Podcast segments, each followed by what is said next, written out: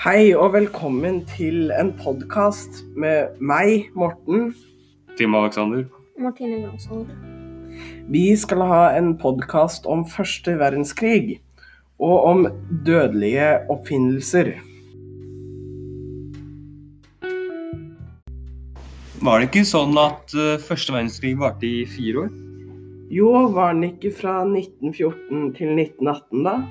Jo, men det var jo mange av dem, eller alle sammen egentlig, trodde jo at eh, krigen kom til å bare vare i noen få måneder. Ja. Men det endte jo med flere år. Men altså, det var jo mange som meldte seg frivillig, da. Men eh, eh, det er jo derfor man aldri skal melde seg frivillig til noe. Ja, spe- Ja. Det var spesielt mange unge menn som meldte seg frivillig, fordi de, ja, de visste jo ikke hva som egentlig kom til å Ikke vente. minst. Ja. Men vi har jo lagd mange nye våpen under første verdenskrig, da. ja, det var jo første krigen den brukte fly. Ja. Ja. De startet ikke bare med å kaste mursteiner ut av før de greide å fikse bomber. da. Jo, det var det. Og så kom jo de første maskingeværene, kom jo da. Ja. Og så begynte de å bruke ubåter, fordi da var det jo ingen som kunne se dem når de kom under vann. Mm. Men ja, så var det jo veldig få krigsskip til å kjempe mot ubåtene, da. ja så brukte Så- de gass. Ja, så Mye. ja, veldig mye. Og så på flyene. Alle var jo grå, bortsett fra én, og det, han ble jo kalt den røde baronen. Jeg lurer på hvorfor. Og så var engel, engelskmennene kom jo og introducerte sin første tanks. Ja. For tanksen var helt ny da. Ja, for de brukte jo 49 tanks og bare 24 av dem ville kjøre. Ja. Og så begynte de å bruke miner og bomber og alt sånt. ja. Og gass, ikke minst. Mm. Mhm. Og så det var jo Og så kom jo franskmennene sine store kan kanoner som kunne skyte 500 kilos granater opp til 10 km.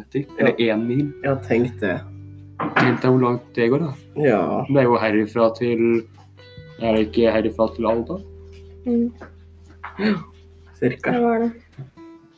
Og så luftskipene, de brukte jo bombing og alt mulig som du kunne tenke deg. Ja, men Det var jo også ganske dumt å bruke dem, for det var jo i sånn her gass som vil sprenge hvis du kommer i kontakt med oksygen. Ja, Ja. Det utnytta jo fiendene, så Ikke de minst. sprengte jo opp.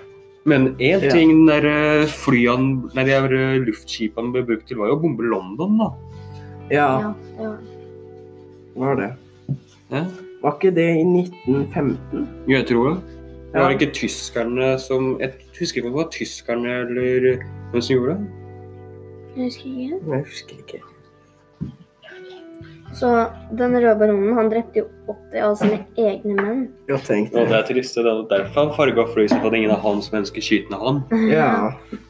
Men dessverre var det jo ikke alle som var så smarte. Så da. Nei. Da ble det skutt ned. Ja. Mm.